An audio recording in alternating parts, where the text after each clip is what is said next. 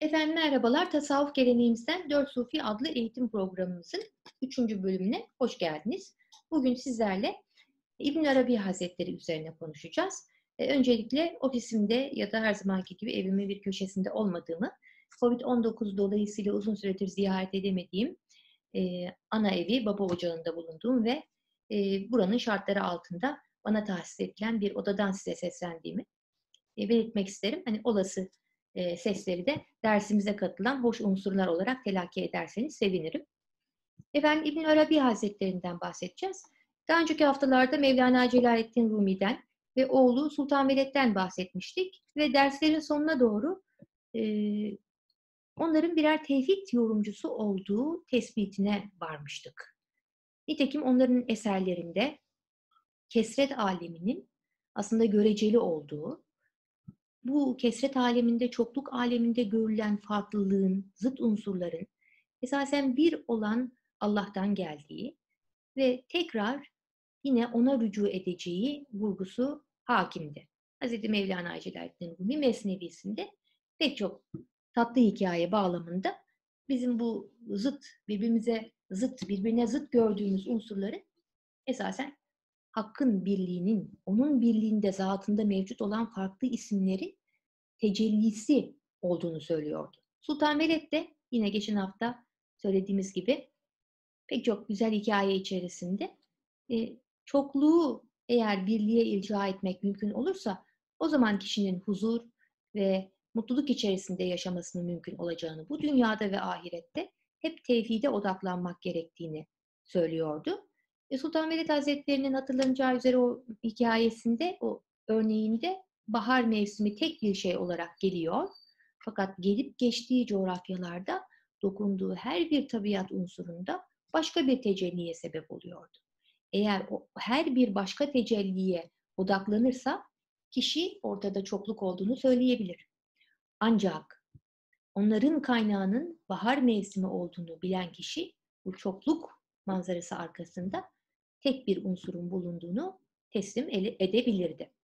Bunun gibi Sufilerin çabası büyük ölçüde çokluğun birliğe irca edilmesi ve ona göre içinde bulunan alemde eşyayla ve bütün varlık mertebeleriyle bu hakikat üzere irtibatta bulunmak gereğiydi. Efendim, bilineceği üzere tevhid yorumu dediğimiz zaman biz tevhidi e, La ilahe illallah Muhammedun Resulullah ifadesiyle dile getiriyoruz. İnancımızı kelimeyi tevhid ile ortaya koyuyoruz. O da La ilahe illallah Muhammedun Resulullah. İfadenin ilk kısmı La ilahe illallah'tır.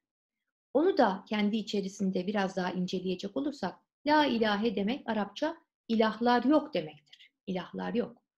İlla Allah. Fakat ancak Allah vardır. Ancak bunu diyebilmek, diyebilmek için dahi ilahlar kelimesi yani nesneler olarak düşünelim bunu. bunu. Onların göreceli olarak bile olsa, kelime bazında bile olsa kabul edilmesi ve bir şekilde anlamlandırılması gereklidir. Kelime olarak ifade edildikten sonra başına gelen la ile yani bütün bu çokluk aleminde görülen unsurlar önüne konulan la ifadesiyle, yok ifadesiyle yokluk mertebesine indirgenmektedir. Her ne kadar nesneleri görüyor olsan da onlar gerçekten mevcut gibi görünüyor olsalar da geçicidirler, görecelidirler ve esasen ontolojik anlamda yokturlar. La. İlla Allah fakat ancak Allah vardır. O halde kelimeyi tevhid zaten kendisini anlamaya çalıştığımız zaman bize çokluk aleminin geçiciliğini fakat orada görünen hakikatin Allah'ın birliği olduğunu ifade eden en temel İslami bir prensiptir. Sufiler bunu yakalamışlar ve bunun bütün İslam ahlakının, İslam e, geleneğinin ve İslam'la ilgili hemen bütün e, devam eden ilimlerin temeli olduğunu e, görerek onu sistemleştirmeye ve kendi üsluplarıyla ifade etmeye çalışmışlardır. İbn Arabi Hazretlerine gelecek olursak, İbn Arabi Hazretleri sadece temsili ifadelerle değil, yahut şiirler e, ve hikayeler içerisinde değil, çokluğun birliğe nasıl irca edileceğini, çokluğun birlik alemine nasıl döneceğini ve birlikten de bu çokluk aleminin nasıl ortaya çıktığını sistematize etmeye kendisini adamış bir büyük sufidir. Dolayısıyla biz bugün çoğunlukla birlik çokluk ilişkisini yani tevhid e, ile e, görünen çokluk alemi arasındaki irtibatın İbnül Arabi tarafından nasıl sistemleştirildiğini e, inceleyeceğiz. Büyük bir şahsiyettir, büyük bir sufidir dedik. Öncelikle bu ifadeyi bir açmak istiyorum. E, büyük dediğimiz zaman herkesi etkilemiştir. Bunu anlatmaya çalışıyoruz. İbnül Arabi'yi sevenler, eserlerini okuyanlar, onun tevhid yorumundan etkilenenler, onunla hayatını şekillendirenler, onun takipçileri onu Şeyhül Ekber olarak adlandırmışlardır. Arapça ekber en büyük demek. En büyük şey, en büyük üstad, en büyük hoca. Nitekim e, kendisinden sonra birçok takipçisi gelmiş, onun e, yazınını sistemleştirmiş ve geliştirmiştir. Büyüktür ama aynı zamanda azim bir şahsiyettir. Bu da Arapça bir ifade. Onu da müsaadenizi açmak istiyorum. Arapçada da zor konular için azim kelimesi kullanılır. Türkçe'ye büyük ölçüde büyük olarak tercüme edilse de e, kelime e, kendi lisanında daha geniş, daha zengin bir anlama sahiptir. Azim demek hani bir kerette yüklenilemeyecek ölçüde ağır anlamında, büyük anlamındadır ki bu bir kerette halledemeyeceğiniz bir şeyle karşı karşıyasınız demektir. E, bunu anlatmak üzere, işin zorluğunu anlatmak üzere bir hikaye anlatılır. Genelde de e, kapsamlı konuları ele alan hocaların e, dersin başında ifade ettiği, dile getirdiği bir hikayedir. Ben de onu burada paylaşmak istiyorum sizinle. E, azim bir inci, bir inci üstadının eline düşer. Çok nadir elde edilen bir incidir, çok büyüktür. Çok zor bulunan bir incidir. Tabii ki ondan pek çok eser ortaya çıkartılabilir, pek çok mücevher elde edilebilir. Fakat incinin öncelikle e, usulünce parçalanması gerekmektedir. Üstadların e, tabii kalfaları da oluyor. Hemen kalfalarından birkaç tanesini çağıran üstad onlara der ki sırayla hadi şu inciyi kırın da artık onu işlemeye başlayalım. Mücevher yapalım. Hepsi birer bahane ileri sürerler. Efendim derler bu hani gerçekten büyük bir iş. Bunu nasıl yapacağız? Nereden? Nasıl olacak? Kalfalar işin zorluğunu az çok kestirdiklerinden bu işe pek girişmezler. Bunun üzerine üstad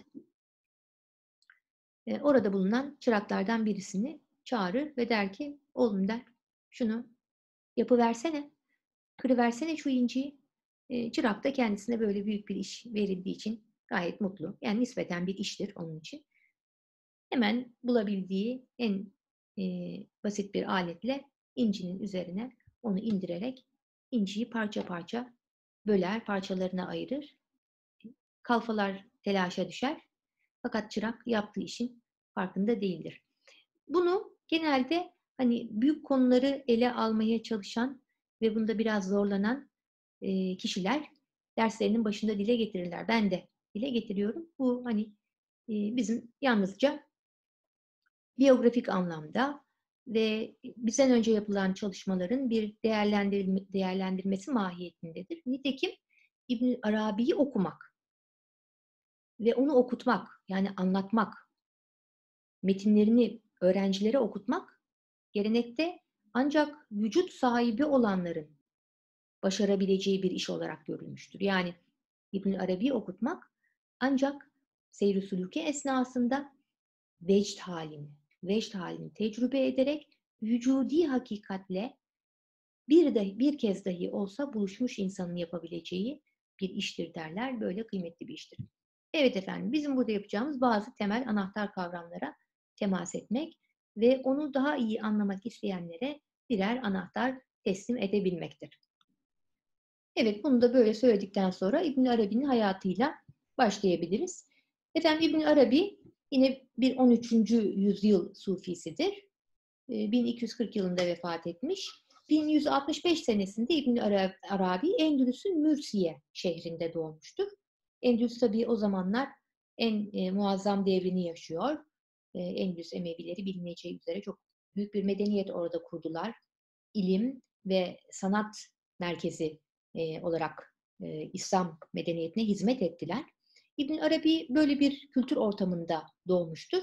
Babası Ali bin Muhammed'in Abbasi halifesi Müstencik Billah'la irtibatlı olduğu, İbn Rüşd'ün de ünlü e, İslam filozofu İbn Rüşd'ün de e, yakın arkadaşlarından olduğu kaydedilir. İbn Arabi annesinin Nur isminde adı gibi kendisi de Nurlu ve Ensar soyundan bir e, hanım olduğunu kaydeder.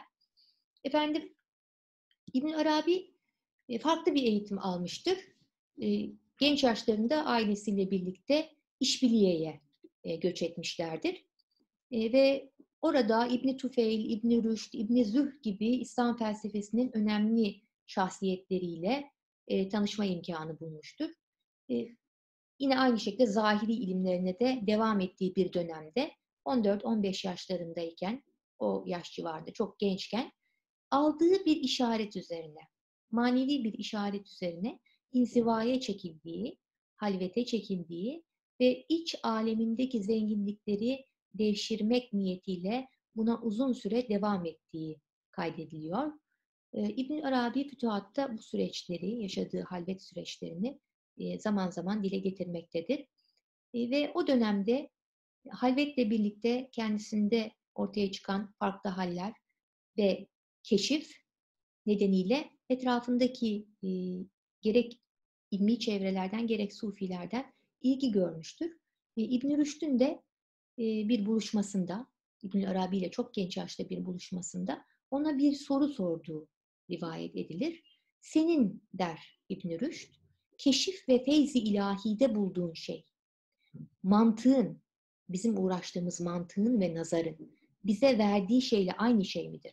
Yani kalbin bilgisi olan keşfi bilgiyle aklın, nazarın ortaya koyduğu bilgi aynı şey midir diye sorduğunda İbn Arabi'nin genç yaşta hem evet hem hayır şeklinde cevap verdiğini ve bu evet ile hayır arasında ruhların yerlerinden, oyunların cesetlerinden fırladığını ifade etmiştir. Büyük bir ifade. İbn Rüşd'ün bu cevap üzerine o evet'i duyar duymaz yüzünün aydınlandığı ancak o hayırı duyduğunda içinin titrediği, sararıp farklı haller tecrübe ettiği söylenir. Bilineceği üzere İbn Rüşd Avrupa'da Averroes diye anılıyor ve mantık ilmiyle ilgileniyor. Aristoteles'in de şarihlerinden biridir. Aristoteles'in pek çok eserine, külliyatına şerhler yazmıştır. Onun bütün çabası esasen akıl ile vahiy arasında bir tenakuzun olmayacağı, yani aklın bulduğu ile vahyin getirdiği hakikatin eğer akıl salim ve vahiy sahih ise örtüşeceği yönündedir. Ömrünü buna harcamıştır ve çok yaşlandığı bir dönemde İbnül Arabi ile yaptığı bu görüşme onun hayatında hayatının son dönemlerinde farklı bir merhaleye geçmesine vesile olmuştur da deniyor. Efendim İbn Arabi zahiri ilimlerde belli ölçüde e, kemale erdikten sonra murakabeye ve halvete devam ediyor ve onun hayatında çok enteresan bir safhadır. Pek çok sufinin de ilk dönem sufisinin de e, seyri sulukunda e, gerçekleştirdiği bir tecrübe. İbn Arabi sefer eder. E, bulunduğu yerden yola çıkar ve ilk olarak Kuzey Afrika'ya gider. Tunus'ta bir müddet bulunur. Daha sonra ileride Fütuhat-ı Mekke'yi kendisine ithaf edeceği Şeyh Abdülaziz el-Mehdevi'nin de bulunduğu, aralarında bu Sufi'nin de bulunduğu pek çok Sufi ile Tunus'ta görüşür. Daha sonra Fas'a geçer. Orada da bir müddet ikamet eder. Ve orada da hayatı boyunca neredeyse 23 yıl boyunca e, ona yol arkadaşlığı edecek Abdullah Bedrel Habeşi ile burada karşılaşır.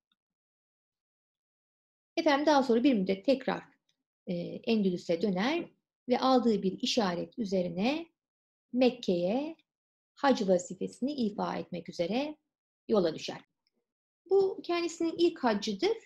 E, daha sonra Ebu Medyen, ünlü Sufi Ebu Medyen ile e, görüşmek ister e, ve onu görmek üzere onun bulunduğu yere doğru yola çıkar fakat e, oraya ulaştığında kendisini vefat ettiğini öğrenir.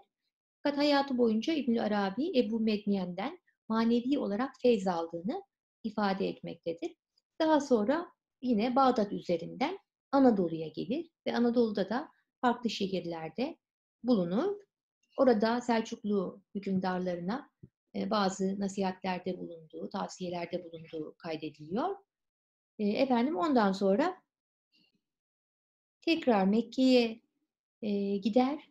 Orada ünlü eseri Fütuhat-ı Mekke'yi kaleme alır. İbn Arabi hayatının son zamanlarını ve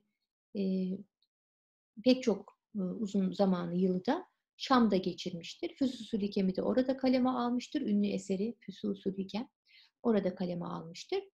İbn Arabi'nin manevi hocalarından, onun manevi eğitiminden bahsedecek olursak, e, efendim onun ilk e, hocası e, kendisinin de belirttiği üzere Ebul Abbas Uryevi'dir.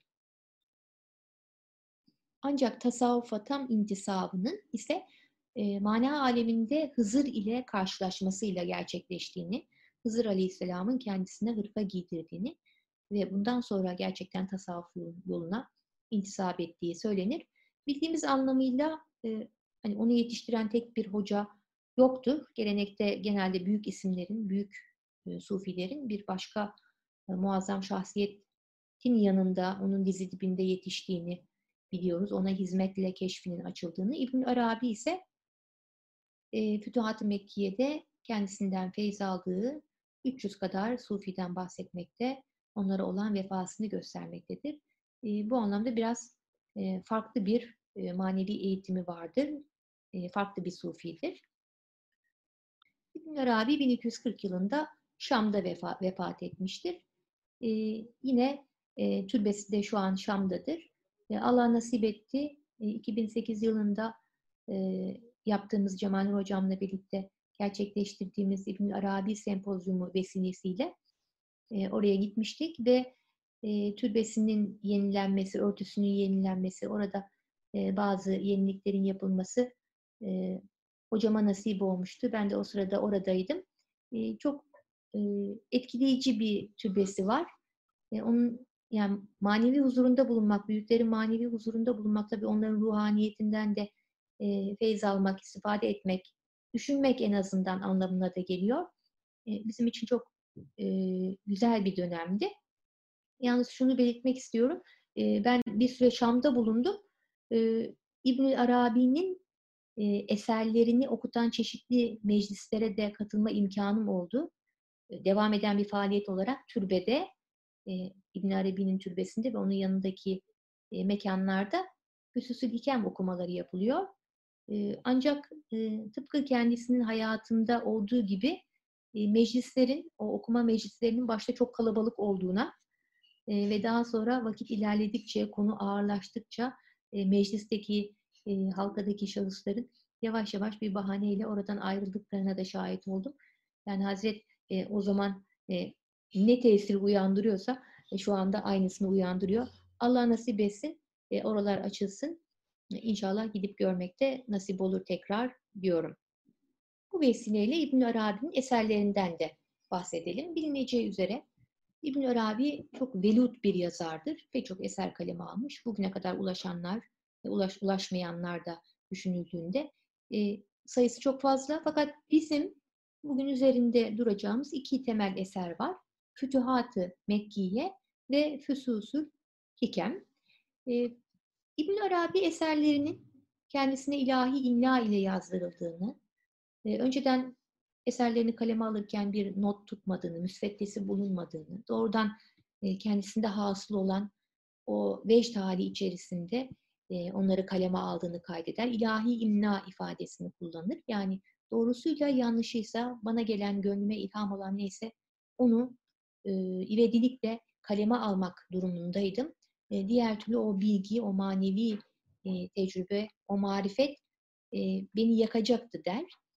E, Fütuhat-ı Mekkiye İbn Arabi'nin ikinci Mekke ziyareti sırasında bizzat Kabe'de bulunduğu zamanlarda e, kendisine, kalbine ilham olunan fetihler, fetih, açılışların kaleme alınmış halidir.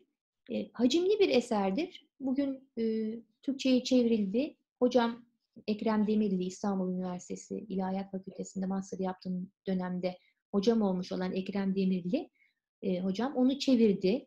Profesör Doktor Ekrem Demirli çok büyük bir iş yaptı. Eser şu an tabii ciltler e, olarak kütüphanelerimizde yer alıyor. Fakat bunu nasıl okuyacağız? Daha önce Mevlana Celaleddin Rumi'nin eserleri okunurken e, demiştik bir hani Seyri Suluk kitabıdır. E, İbn Arabi'nin eseri Fütühat ise ihtiyaca binaen başvurulması gereken bir eserdir diyebilirim. Zaten konuların terkibinde e, mantıklı bir sıra, sıra bulunmadığı için İbn Arabi bunu bunu böyle söylüyor. Nitekim olsaydı ben diyor işte şu bölümü burada değil en başta metotla ilişkili bölümü eserin en başında e, kaleme almak isterdim. Fakat kalbime ilham olan e, o şekildeydi ve o şekilde zuhur etti diyor. E, efendime söyleyeyim, ihtiyaca binaen ve e, konu başlıklarına göre tasnif edilmiştir. E, merak ettiğiniz, ilgi duyduğunuz yeri okumanız e, daha doğru olacaktır. Naçizane ben de aynı usul takip ediyorum. Eser aslında Arapçasında dört cilttir. E, ve pek çok fasıldan oluşuyor. Fakat Türkçe'ye çevrildiğinde tabii ki daha fazla e, ciltler olarak neşredildi. Efendim, hacimli bir eser olmakla beraber füsustaki kadar kapalı ifadeler e, yoktur. Nitekim e, tasavvuf tarihi ve e, tasavvuf klasikleri üzerine çalışanların da belirttiği bir konu. Belki okuyucusuna göre de farklı kanaatler hakim olabilir.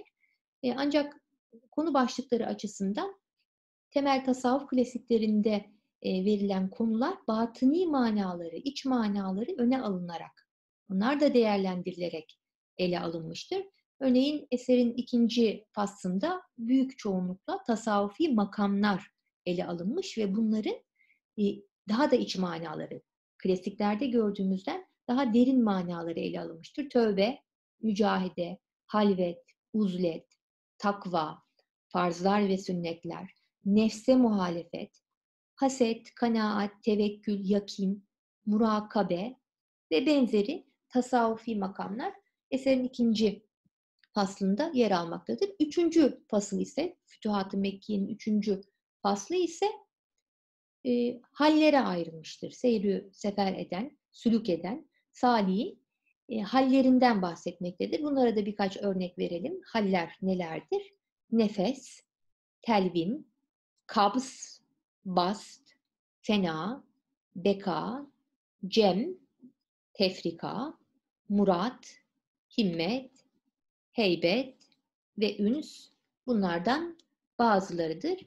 Bu tasavvufi makamlar hakkında ve haller hakkında ikinci ve üçüncü faslı e, tavsiye ediyorum. Efendim, ikinci mühim eser İbn Arabi'nin bilineceği üzere Füsusul Hikem ve Hususül Kilem adlı eseridir. Eser dahilinde İbn Arabi 27 e, ayrı e, peygamberden ve onların e, onlarda zuhur eden, öne çıkan e, özelliklerden bahseder. E, peygamber olduğu tartışmalı olan birkaç ismi de İbn Arabi eserine almıştır ve bunu kendi tasavvuf anlayışla değerlendirmiştir. Eserin kaleme alınışı ile ilgili çok muazzam bir hikaye anlatılır. İbn Arabi Şam'da bulunduğu sırada kendisine vaki olan bir mübeşşiratta Hz. Peygamber aleyhisselamla buluştuğunu ve Hz. Peygamber aleyhisselamın elindeki bir kitapla e, ona e, yaklaşarak bu hikmetlerin yuvalarını gösteren bir kitaptır. Bunu al ve faydalanacak kimselere açıkla dediğini kaydeder İbnül Arabi ve ondan sonra eserini kaleme almaya başlamıştır. Füsusül Hikem esasen İbnül Arabi'nin hemen bütün tasavvufi görüşlerini özetleyen ve farklı İslami ilimlerdeki görüşlerini de tespit etmemize imkan veren bir eserdir. Hacmi çok büyük değildir, fütühata kıyasla özellikle. Fakat içerik açısından e, çok yoğun bir eserdir. Naçizane bu eseri Şam'da, e, Harvard Üniversitesi'nde, Boston'da James Morris ile e, Bursa Uludağ İlahiyat'ta Abdullah Kartal hocamla, Profesör Doktor Abdullah Kartal hocamla ve Üsküdar Üniversitesi'nde Cemal Nur Sarkut hocamla okumak nasip oldu. E, fakat enteresandır, Adem faslı e, o kadar yoğun bir fasıl ki kitabın diğer bölümlerini anlamak açısından da çok kıymetli önem arz ediyor. O faslın işlenmesi hemen bulunduğum bütün bu meclislerde iki ya da üç yılı almıştır diyebilirim. Burası, burası çok enteresandır. Adem faslı e, İbn Arabi'nin denilebilir ki yalnızca füsustaki düşüncelerini özetleyen bir bölüm değil, onun bütün tasavvufi görüşlerini ve düşünce yapısını da ortaya koyduğu çok e, önemli bir bölümdür. Ve mutlaka füsusuliyken tabii ki e, işin ehliyle birlikte okunmalıdır. Burada ehil konusu önemlidir. Sadece Arapça bilen e, bunu yapabilir e, diye bir kaide yok. Biliyorsunuz son dönem Osmanlı şeyhlerinden Kenan Rıfai füsusa ve fütühata sohbetlerinde, mesnevi şerhlerinde çokça başvuran bir şeyhtir, bir sufidir. Ve o sohbetlerinde kendisine sorulan sorulardan birine cevap verirken diyor ki İbnül Arabi'yi anlamak, füsusu dikemi anlamak yalnızca Arapça bilmekle ilişkili bir durum değildir. Bilmeyi bilmekle ilgili bir şeydir. Yani bir nasip işidir ve kişinin idrakiyle ilgili bir durumdur. Tabi dilin e, insana kattığı zenginlikler de var. Fakat o derinlikli yapıyı e, insanın daha önceden e, o eseri bir büyük de geçmiş olan bir sufinin yanında okuması o çok başka bir nasiptir. Allah cümlemize nasip etsin efendim. Biraz İbnül Arabi'nin üslubundan bahsedecek olursak efendim, özlü ve yoğun olduğunu zaten söylemiştik. Konu zaten mahiyeti itibariyle böyledir. Bununla birlikte İbnül Arabi paradoksal ifadeleriyle ünlüdür. Yani tam konunun ilk, e, cümlenin ilk bölümü e, sizde bir anlam e, uyandırmışken cümlenin ikinci bölümü biraz önce sizde uyanan anlama muhalif gibi görünen bir anlam içermektedir. Bunlara paradoksal ifadeler deniyor. Şöyle ki mesela ilim aynı zamanda cehalettir. Bunu araştırmacılar ve daha sonraki sufiler çeşitli şekillerde yorumlamıştır. Ancak işte meşhur Hazreti Ali'nin de söylediği gibi ilim bir noktaydı, onu cahiller çoğalttı. Tabi buradaki cahil kelimesi esasen ilimle uğraşan ve onu açtıkça açan, daha da açan ulema kesimine gönderme yapmaktadır. bunun gibi paradoksal ifadelerde ilim aynı zamanda nefsinin cahili olmaktır. Allah'ı bilmek nefsinin cahili olmaktır, onu unutmaktır şeklinde de yorumlanabilmektedir. Doğru irşat diyor İbn Arabi bir başka paradoksal ifadesinde hem yakınlaştırmak hem uzaklaştırmaktır. Bu da İbn Arabi düşüncesiyle biraz yakınlaşmış olan kişilerin az çok tahmin edebileceği gibi e, tenzih ve teşbihi e, hatırlatan bir ifadedir. Yani Allahu Teala İbn Arabi e, Allahu Teala'yı mutlak varlık olan hakkı anlatırken onun mutlakiyetine işaret eder. Yani onun akılların kavrayabileceği, gönüllerin idrak edebileceği, kuşatabileceği bir varlık olmadığını, bunların çok ötesinde olduğunu ama aynı zamanda yakınlaştırmaktır der. Yani aslında Allahu Teala size şah damarında, damarınızdan yakındır ve yüzünüzü ve içinizi nereye dönerseniz hakkı hakla orada buluşabilirsiniz. Ayetine telmihte işarette bulunan bir ifadedir. Tenzih ve teşbih arasında bulunmayı. Yani hakkı hem bize bizden yakın hem de idraklerimizin çok ötesinde olarak e, düşünmeyi telkin eden bir ifadedir. E, sen o değilsin, belki olsun. Yine aynı şekilde bu paradoksal ifadede de İbnül Arabi hakkın tenzih ve teşbih edilmesi gereğine işaret eder. Tenzih ve teşbih bilmiyorum sonra vaktimiz müsaade olur mu e, derinlemesine işleyemeyebiliriz. O yüzden burada belirtmek isterim ki tenzih ve teşbih e, İbn Arabi'nin ortaya koyduğu e, kavramlar içerisinde e, bir sufiyi sülukunda ilerleten en temel iki kavramdan biridir. Çünkü insan iki sebeple yolda kalır e, deniliyor. E, ya ben oldum der, ya olamam der. Yani ya teşbihe gider ve der ki ben de ilahi ahlakla ahlaklandım, epey de güzelleştim. Da böyle iyi gibi der.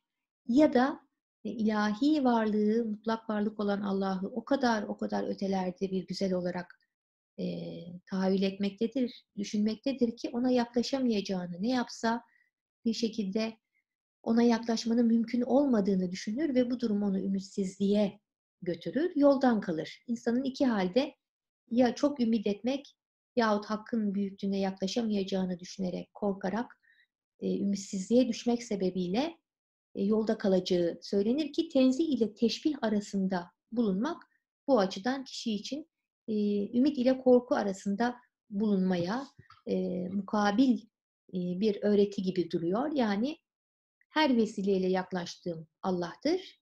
Ancak o ne kadar yaklaşsam da yine de idrakimin, idrakimin, anlayışımın ötesinde olan bir sultandır.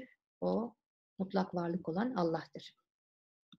Kişi böyle düşündüğü sürece tenzih ve teşbih onun iki adımı olacaktır. Onu ilerletmeye sebep olan adımları olacaktır inşallah. E, daha önceki sufilerimizde Mevlana Celaleddin Rumi'de ve Sultan Veled'de e, çokluk birlik ilişkisinden bahsetmiştik. E, İbn Arabi'nin de zaten temel meselesinin çokluğun birlikten nasıl neşet ettiğini, nasıl geldiğini izah etmek üzere olduğunu söylemiştik. Efendim tabii hikayeler kullanmıyor İbn Arabi fakat semboller kullanıyor. Bu sembollere de biraz temas ederek daha sonra vahdet vücudun temel meselesi olan varlık mertebelerine değineceğiz. İbn Arabi'nin en çok kullandığı sembollerden birisi çekirdek yani tohum ve ağaç sembolüdür. Bilineceği üzere hani bir tohum toprağa ekildiğinde belli bir zaman sonra ilk filizini verir. Yavaş yavaş dallar, budaklar, ağacın diğer unsurları, yapraklar, çiçekler ve nihayet orada bir meyve zuhura gelir ve o meyvenin içinde de çekirdek mevcuttur. Dolayısıyla İbn Arabi birliği tohuma benzet, benzetir, çekirdeğe benzetir ve o birlik ilahi rahmete gömülmüş olan o çekirdek, o mana zuhur ettiği zaman işte bu bütün alemi ağaç mesabesinde e, vücuda getirmiştir, mevcudat alemine getirmiştir. Çokluk ağacın dalları, yaprakları, efendim ürünlerindedir. Fakat onlar hakikat itibariyle geldikleri yer itibariyle birdirler. Ben burada e, küçük bir anekdot anlatmak istiyorum kendi hayatımda. Din kültürü ve ahlak bilgisi öğretmenliği yaptığım dönemde e, o zamanlar İbn Arabi okumaları da yapıyordum. E, öğrencilere de zaman zaman İbn Arabi'den bazı bölümler paylaşıyordum. İşte lise öğrencilerine, lise son sınıf öğrencilerine bu çekirdek tohum örneğini ve diğer birlik çokluk sembollerini e, anlatmak için hazırlandığım bir gündü. Tasavvuftu konu. E, özellikle tasavvuf edebiyatı ve tasavvufi yazındı. İbn Arabi'yi anlatmak için geldiğim o günde öğrenciler hazır değildi. Orada anlatamadım. Sonra mahzun bir şekilde ilkokul öğrencilerimin yanına gittim. Onlara da derse giriyordum. Beşinci sınıf öğrencilerim beni biraz mahzun görünce öğretmenim neyiniz var dediler. Ben de dedim ki büyüklerinize, 12. sınıf e, abilerinize, ablalarınıza e, çok güzel bir konu anlatacaktım. Peygamberlerin hakikati olan hakikati Muhammediye'yi anlatacaktım. Fakat onlar hazır değillerdi. Bugün konuyu çok iyi işleyemedim, anlatamadım dedim. O zaman bize anlatın hocam dediler. Ben de o zaman e, onlara hakikati Muhammediye yani bütün çokluğun e, tevhidden, Muhammedi hakikatten zuhur ettiğini o çekirdek örneğini anlattım. Peygamber Aleyhisselam'ın manası vücudundan öncedir ve onun manasından bütün diğer e, peygamberler ışık ve nur almışlardır. Bunu da büyüklerden İbn Arabi çekirdek örneğiyle anlatıyor. Düşünün ki bir çekirdeği toprağa ekiyorsunuz. Sonra yavaş yavaş ondan filizlenmeler oluyor ve bütün ağaç olduğu gibi ortaya çıkıyor. İşte düşünün ki dedim o ilk e, zuhur eden e, dal, filiz Hazreti Adem'dir. Ondan sonra gelen Şis peygamberdir. Sonra Nuh peygamber ve bütün varlığı bir sembol olarak düşünün ki onun manasından e, alem dedim nasip almıştır. O zaman e, ilkokul öğrencilerimden bir tanesinin durup şey dediğini hatırlıyorum. O yüzden mi öğretmenim? O yüzden mi herkese güzel davranıyor? Çünkü o her yerde Allah'ın hakikatini görüyor e, demişti. Çok hoşuma gitmişti. Bu sembollerin e, tılsımı e, çok e, kıymetli arkadaşlar. Yani çok büyük hakikatleri e, sistematik olarak ifade etmek, anlatmak kimi zaman zor oluyor. Fakat sırasında bir örnek, bir misal bütün meseleyi hallediyor. O yüzden de Allahu Teala Kur'an-ı Kerim'inde bir sivrisinekten bile misal getirmekten e, çekinmeyiz diyor ve pek çok misal kullanıyor. E, bunun da altını çizmek isterim. İbn Arabi'nin çok e, büyük bir meseleyi sistematik olarak ele aldığı gibi aynı zamanda böyle temsili ifadelerle de okuyucusunu e, konuya yaklaştırdığını söyleyebiliriz. Bir başka örnek ise ışık gölge sembolizmidir. Biliyorsunuz kişi birdir fakat gölgeler çoğalabilir. E, ışığın farklı yönlerden geldiğini düşündüğümüz takdirde de etrafında, kişinin etrafında pek çok yönde gölgeler oluşabilecektir. Bunun gibi İbnül Arabi de bütün mevcudat aleminin, bütün gördüğümüz bu çokluk aleminin esasen Allah'ın hakiki olan varlığına nispetle birer gölge mesabesinde, bütünüyle esasen bir gölge mesabesinde olduğunu söylemektedir. Yine meşhur bir sembolizm gökkuş, gökkuşağı sembolizmi. Bilineceği üzere esasen hani renk denen şey e, fiziksel olarak yoktur deniyor. Fakat atmosferden geçiş sırasında çeşitli kırılmalara uğrayarak renkler e, ortaya çıkıyor ve gökkuşağında bu nedenle baktığımız zaman e, yedi rengin sıralandığını görüyoruz. İbn Arabi bütün o farklı renklerin esasen renksizlikten geldiğini söylüyor. Yine bununla çokluk aleminde gördüğümüz farklılığın kaynağının birlik olduğunu, tevhid olduğunu işaret ediyor. Benim çok sevdiğim, Cemali hocamın da e, bize yıllarda çok anlattığı e, bir e, sembol, ayna ve akis sembolizmi. E, düşünelim ki bir kişi e, işte Luna Park gibi bir yerde e, farklı aynaların, farklı ölçekteki ve farklı işlevdeki aynaların bulunduğu bir geçitten geçmektedir. Şahıs aslında tek olmakla birlikte her aynada o aynanın ölçüsüne göre kendisini farklı görmektedir. Bazısında çok büyük, bazısında çok küçük, işte bazısında kısa, bazısında uzun. Pek çok da gülmektedir. E, fakat hakikatte bu kişi çoğalmamıştır, değişmemiştir. Bunun gibi aynaların kırıldığını düşünelim. Her bir kırık aynada kişi kendi aksini görecektir. Aynalar e, dikkate alındığında çoktur.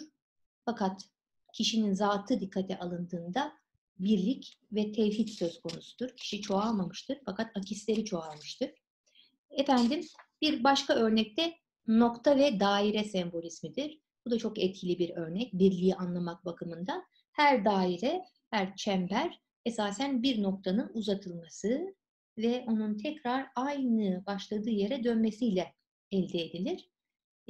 Her bir yerinde de o çemberin her bir yüzeyinde de noktasında da aynı nokta kendisini göstermektedir. Allah'tan geldik ve Allah'a döneceğizi sembolize etmek üzere nokta ve daire örneğini İbn Arabi eserlerinde çok etkin bir şekilde kullanmaktadır.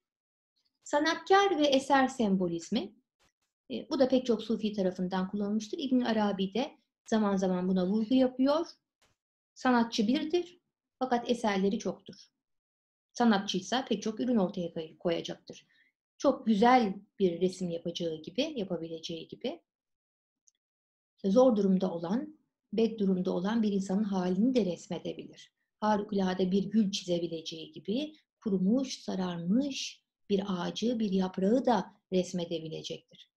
Dolayısıyla e, sanat ve e, sanatçı ve sanat, ürün e, sembolizminde Allah'ın birliği fakat eserlerinde özellikle de birbirine zıt gibi görünen alemin unsurlarına bakılarak e, zıt unsurlarda e, sanatçının birliğine e, gönderme yapan bir sembolizmdir. Bu da çok kullanılır. Bir başkası da harfler sembolizmidir. Bunu birazdan varlık mertebelerini işlerken değineceğiz.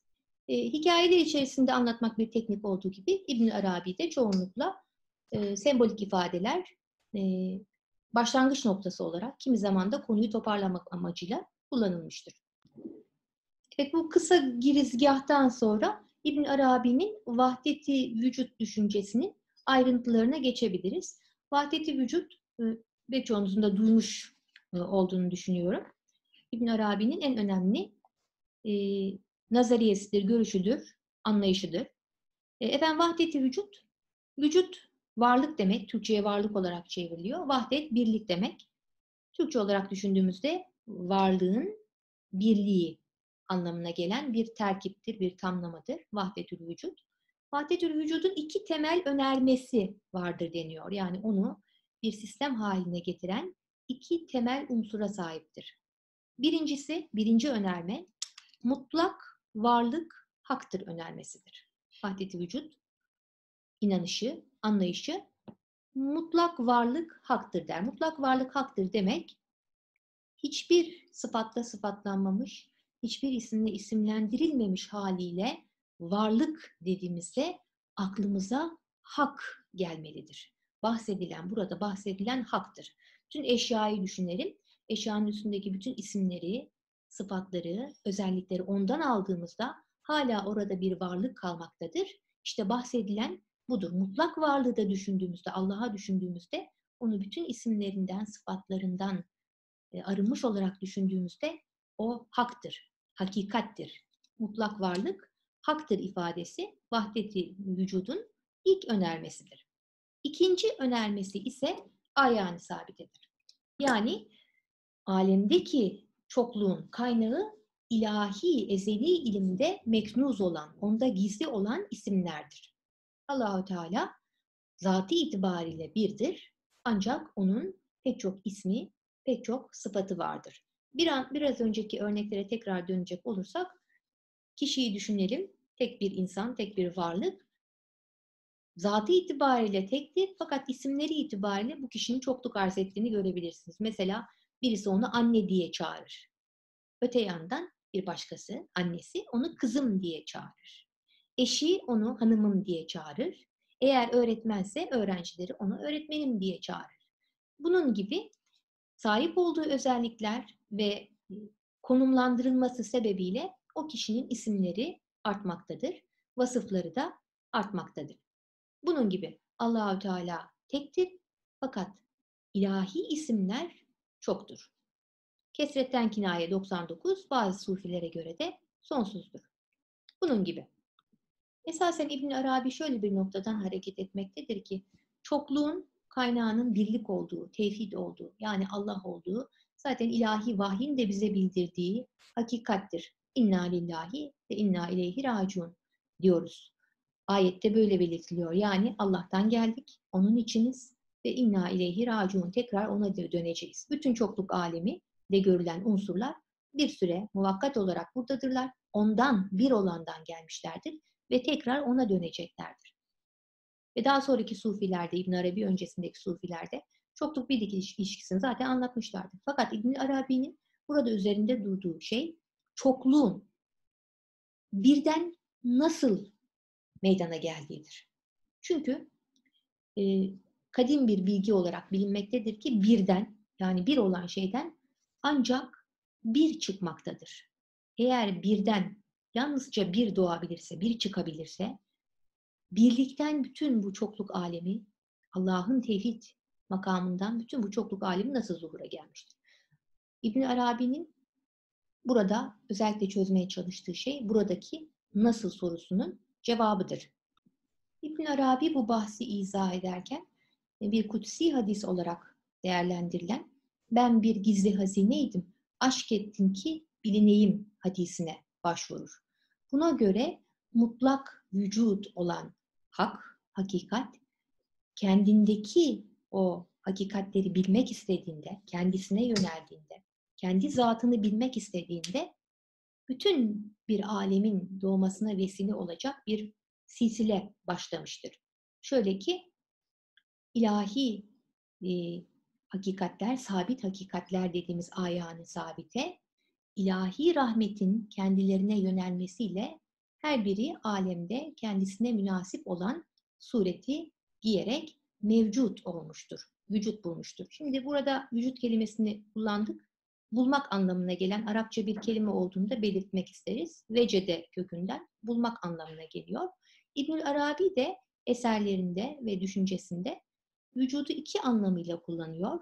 Birincisi olmak, ikincisi bulmak. Vücudun olmak anlamı Allahü Teala'nın birliğinden bu keset alemine e, inişin mertebelerini izah etmek için kullanılır. Yani Allahü Teala kendindeki hakikatlere yöneldiğinde o hakikatler izafi bir silsile meydana getirerek ve zaman ötesi bir silsile meydana getirerek bu alemde nesnelerin vücut bulmasına vesile olmuştur. Diğer bir anlamı olan vücut ise bu alemde mevcut olan insanın, bu alemde bulunan vücut bulan insanın tekrar kendi hakikatine dönme yani iniş kavsi, daireden iniş kavsi ve uruç kavsi deniliyor buna. Tekrar aslında uruç etme, yükselme serüvenini ifade etmek üzere kullanılır. Vücudun bir de bulmak anlamı vardır. Bulmak vecd ile ilişkilidir. Yani kişinin vecde gelmesiyle ilişkilidir. Seyr-i sülûku sırasında kişi ahlaki dönüşümünü yaşarken kendi huylarını peygamberinin huyuyla önce şeyhinin, sonra peygamberinin, sonra bununla birlikte ve eş zamanlı olarak Kur'an ve Allah'ın ahlakıyla ahlaklanmak suretiyle o sırada aslında iki hakikatin bulunmadığı, kendisindeki hakikatin de kaynağının Allah olduğu bilgisine bir vecd anında ulaşır. Buna vücut yani bulmak. Vecdinde hakkı, Allah'ı bulmak e, denilir. Dolayısıyla ilki yani vücudun ilk anlamı olan olmak İbn Arabi'de varlık mertebeleri, meratibi vücut olarak izah edilmiştir. Hakkın kendini bilmesi, hakkın kendini bulması bütün bu oluş alemini meydana getirmiştir. Kulun kendisini bilmesi ise onu Allah'a döndürecek olan e, yöntemdir.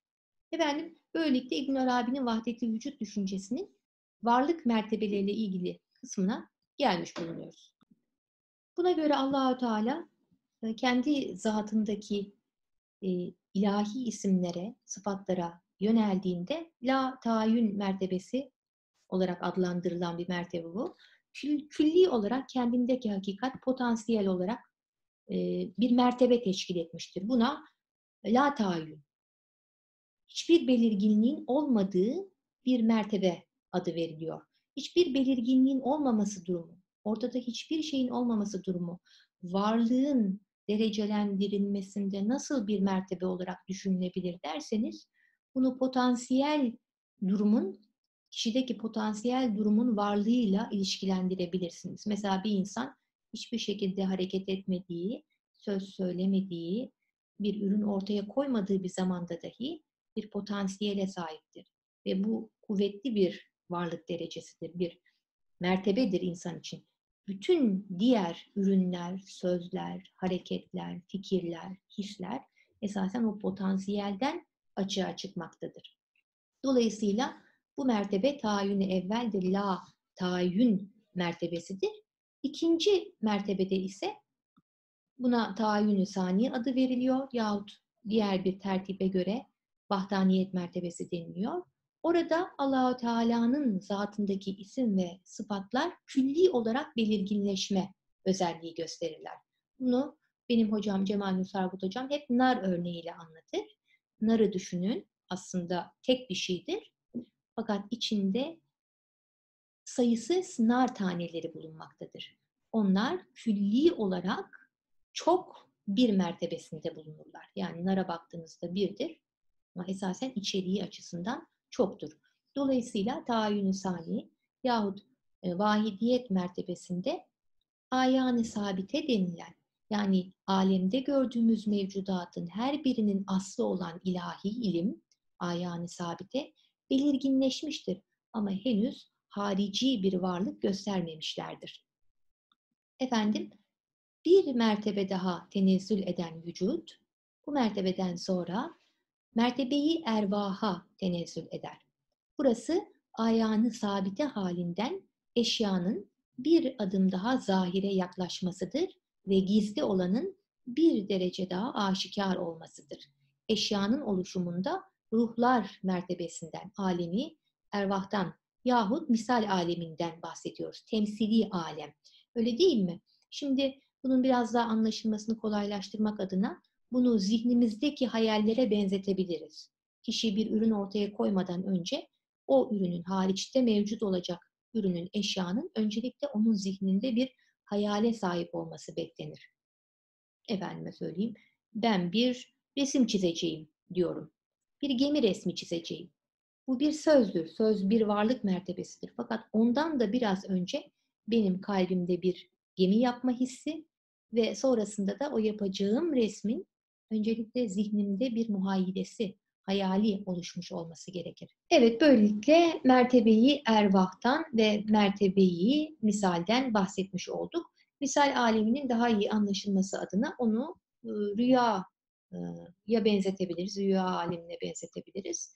Rüya gören kişi nesneleri, rüyasında gördüğü sicimleri şehadet alemindeki örneklerine uygun olarak orada görmektedir.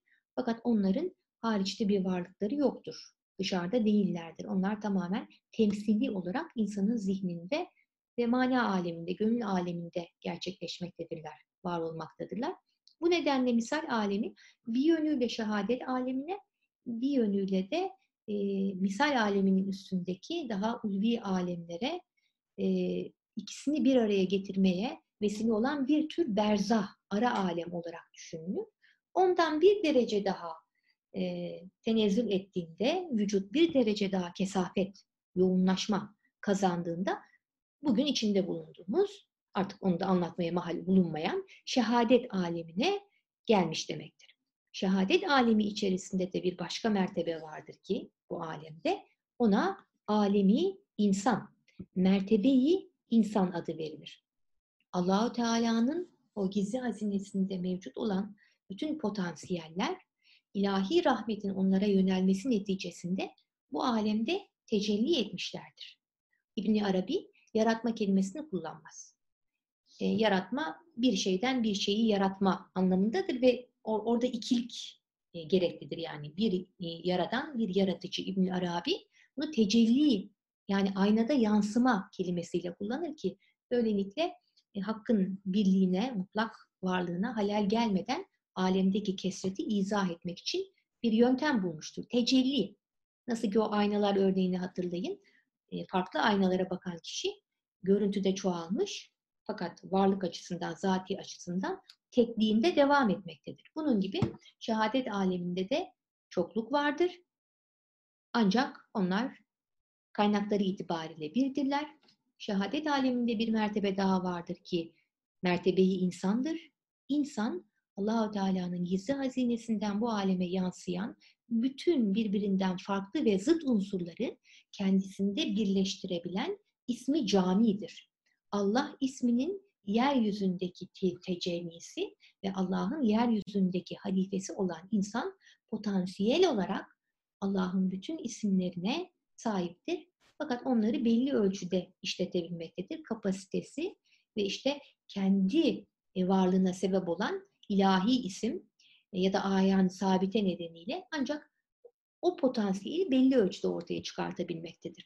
İbnül Arabi bundan sonra bir derece daha varlığı kemale, e, tenezzülünü kemale erdirmeyi kastederek kamil insandan bahseder. Allah'ın bütün isimlerini her insan potansiyel olarak taşıyabilse de kamil insan kendisinde mevcut isimleri Hakk'ın halifesi olmasına vesile olan Adem babasından miras aldığı o isimleri e, tamamıyla e, kendisinde aksettirebilmektedir. Onları ahenkli bir şekilde kendi vücudunda, fiillerinde, sözlerinde yansıtabilmektedir. Kamil insan e, diğer insanlara da bu yönüyle örnektir. Şimdi burada neyden bahsettik? Biz e, varlık dairesinde bir noktadan başlayan varlığın, onu bir daire olarak düşünüyoruz iniş kavsine, nuzul kavsine yani e, oluşa, vücudun oluş anlamına dikkat ettik. Bir sonraki anlamında İbn Arabi'de öne çıkan diğer bir anlamında aslında bizi de ilgilendiren tarafı çoğunlukla vücudun buluş anlamıdır. Kişi seyri sulukunda çeşitli mertebeler, mertebelerden geçerek seyrinde bir vecd anını yakalamaya çalışmaktadır. O vecd, o buluş anında kendindeki ilahi hakikatle e, kendi e, ulvi tarafıyla buluşacaktır. Tabi çok yoğun bir iniş süreci yaşadığı için madde kesiftir, yoğundur, anasır alemi diyorlar, ayaltı alemi diyorlar. Sen geldiği mertebeleri, alemi ervahı, işte el esbez diyor sufiler, orada verdiği, Allah'a verdiği veli sözünü, seni unutmayacağım sözünü biraz unutmuştur. Ama bir vesileyle nasılsa kişi tövbe ederek bir uyanıklık anında seyre, suluka başlarsa bu onun bulma yolculuğunun başlangıcı olacaktır. Vücuda erişmesinin, ilahi vücuda, hakiki vücuda ulaşmasının başlangıcıdır diyor İbnül Arabi. Seyir Allah'a doğrudur. Dört tür seyirden bahsediyor İbnül Arabi. Vücuda ulaşmak için, vücudu bulmak için yani Allah'a kavuşmak için dört tür seyir vardır. Birincisi seyri ilallah yani Allah'a doğru yapılan seyir. Kişi nefsinden ruhuna, kendi izafi vücudundan hakiki olan vücuda, varlığa, Allah'a doğru bir niyetle yola düşer. Allah'a doğru bir seyirdir bu.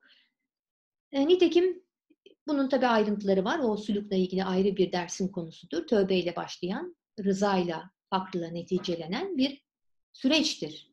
Kimisi için kısa, kimisi için uzun fakat merhaleleri, mertebeleri, makamları ve halleri olan bir süreçtir. Öte yandan diğer bir seyir vardır. Yani Allahu Teala'ya ulaştıktan sonra sufinin seyri. Ona da seyri fillah yani Allah'ta yapılan seyir adını veriyor İbnül Arabi. Salih'in Allah'ın isimleriyle tahakkuk ettikten sonra, onları kendisinde gerçekleştirdikten sonra Allah'ın sıfatlarıyla sıfatlanıp ahlakıyla ahlaklandıktan sonra beşeri sıfatlardan fani ve muzmahil olmasıdır. Artık kendisinde beşeriyetin kokusunun kalmamasıdır. Allah'ta seyir, onunla seyir. Her an yeni bir şanla tecelli eden e, Hakk'ın tecellisine kendini bırakmak, onunla seyretmek. Kendi arzusu bulunmamak. İbnül Arabi e, bunu ikinci seyri seyri fillah olarak adlandırıyor. Üçüncü seyir ise seyri maallah yani Allah'la Allah'a doğru olan bir seyir. Efendime söyleyeyim. Neticesi ise bütün bu yolculuktan sonra seyri anillah var. Yolculuktan geri dönüş. Yani kişinin Allahü Teala'ya kavuştuktan, onunla seyrettikten, onda seyrettikten sonra nihayet insanları irşad etmek üzere tekamülünü tamamlamış olarak kamil bir vasfa sahip olarak, insan vasfına sahip olarak diğerlerini de Hakk'a yakınlaştırmak maksadıyla Hak'tan, Allah'tan tekrar şehadet alemine olan seyridir ki bu da cemden yani Allah'la bir olma mertebesinden sonra irşada layık olanların ancak irşada layık olanların mahftan sahva dönmesidir diyor İbnül Arabi. Evet, e, tabii ki hani herkes için, her sadik için nasip midir ama e, İbnül Arabi e, her suluk ehlini, seyir suluk yapan müridi, salihi, e, bekleyen şeyleri bu şekilde dört mertebe olarak seyri ilallah, Allah'a seyir, seyri fillah, Allah'ta seyir, seyri maallah, Allah'la seyir, seyri anillah, Allah'tan seyir olarak dört e, mertebe şeklinde izah ediyor. Bu da e, geçen hafta okuduğumuz metinlerden Sultan Melet'te geçiyor olması lazım. Onu hatırlattı ki e, Muhammed Aleyhisselam Allah'la cem mertebesine, onunla bir olma e, mertebesine geldikten sonra orada o kadar mutlu, o kadar bahtiyar idi ki ancak Allah'ın ey örtüsüne bürünen çık hitabını aldıktan sonra seyri anillah yapabildi. Allah'tan seyri o vakit yapabildi fakat bundan sonra da o seyre Allah'a, Allah'ı bulma yolculuğunda olan saliklere rehberlik etmek onun görevi olacaktı. efendim azim bir inciydi dedik, büyük bir inciydi. Vakitte sonlanıyor. Ancak bu kadar konuya temas edebildik. Artık diyelim ki o inciyi kırmadık da etrafında şöyle bir dolaştık. Neresinden tutarız da nasıl bu inciyi parçalara ayırır, nasıl halkın hizmetine sunarız diye İbnül Arabi, onun hayatı, eserleri, görüşleri, vahdeti vücut anlayışı etrafında şöyle bir dolaştık. Belli giriş noktaları verdik, konuya giriş noktaları. Birkaç anahtar verebilmiştir, verebilmişizdir diye ümit ediyorum. E, İbn Arabi'yi tabii ki e, araştırmacılar çalıştılar. E, hala hazırda eserleri, tasavvuf araştırmaları yapan e, öğrencilerimizin e, çokça başvurabileceği, tabii Arapça çalışmak şartıyla e, eserleri orijinalinden çalış, çalışmak gerekiyor. Beklemektedir. İbn Arabi'nin eserleri okunmayı, hala hazırda anlaşılmayı beklemektedir. Pek çok şerhi vardır. E, Füsusil İkem'in, Fütuhat-ı İkem'in de e, efendime söyleyeyim tercümesi dilimize yapıldı. E, okunması ve üzerine çalışılması e, gereken bir eserdir. Ben e, Hocam Mahmut Erol Kılıç'ın e, hazırladığı Şeyhi Ekber adlı kitabı, onun da kendi doktora çalışması olan kitaptan uyarlanmıştır. E, olan bu eseri tavsiye ediyorum. İbnül Arabi düşüncesine e, giriş, onun ayrıntılarına da e, devam etmek isteyenler için önemli bir eserdir. Daha e, küçük mahiyette yine hocamın hazırladığı bazı eserler de var. Cemal Nur Sarkutozu hocamın da Füsusül Hikem şerhi için ayrı ayrı fasları kitapçıklar haline getirdiğini, onların da her birinin diğer füsus şarihlerinden derlenmek ve değerlendirilmek suretiyle ortaya konduğunu ve e, çok faydalı eserler olduğunu e, burada belirtmek isterim. Konu azimdi. İnşallah istifade edebilmişsinizdir. İnşallah e, bir sonraki derste de Niyazi Mısri Hazretlerinden bahsedeceğiz. Niyazi Mısri Hazretleri de bir tabii ki İbnül Arabi yorumcusudur. Tevhid yorumcusu olduğu kadar aynı zamanda şiirleriyle ve eserleriyle İbn Arabi'yi şerh etmiş bir İbn Arabi yorumcusudur. Haftaya da onu işleyeceğiz. Yine aynı tema devam ediyor diyebiliriz. Ama tabii haftaya biraz Niyazi Mısri Hazretleri'nin ilahilerinden örnekler sunacağımı da buradan e, kısaca böyle müjdelemiş olayım. Efendim katılımlarınız için çok teşekkür ediyorum. Haftaya hayırla görüşmek üzere. Hoşçakalın, esen kalın diyor.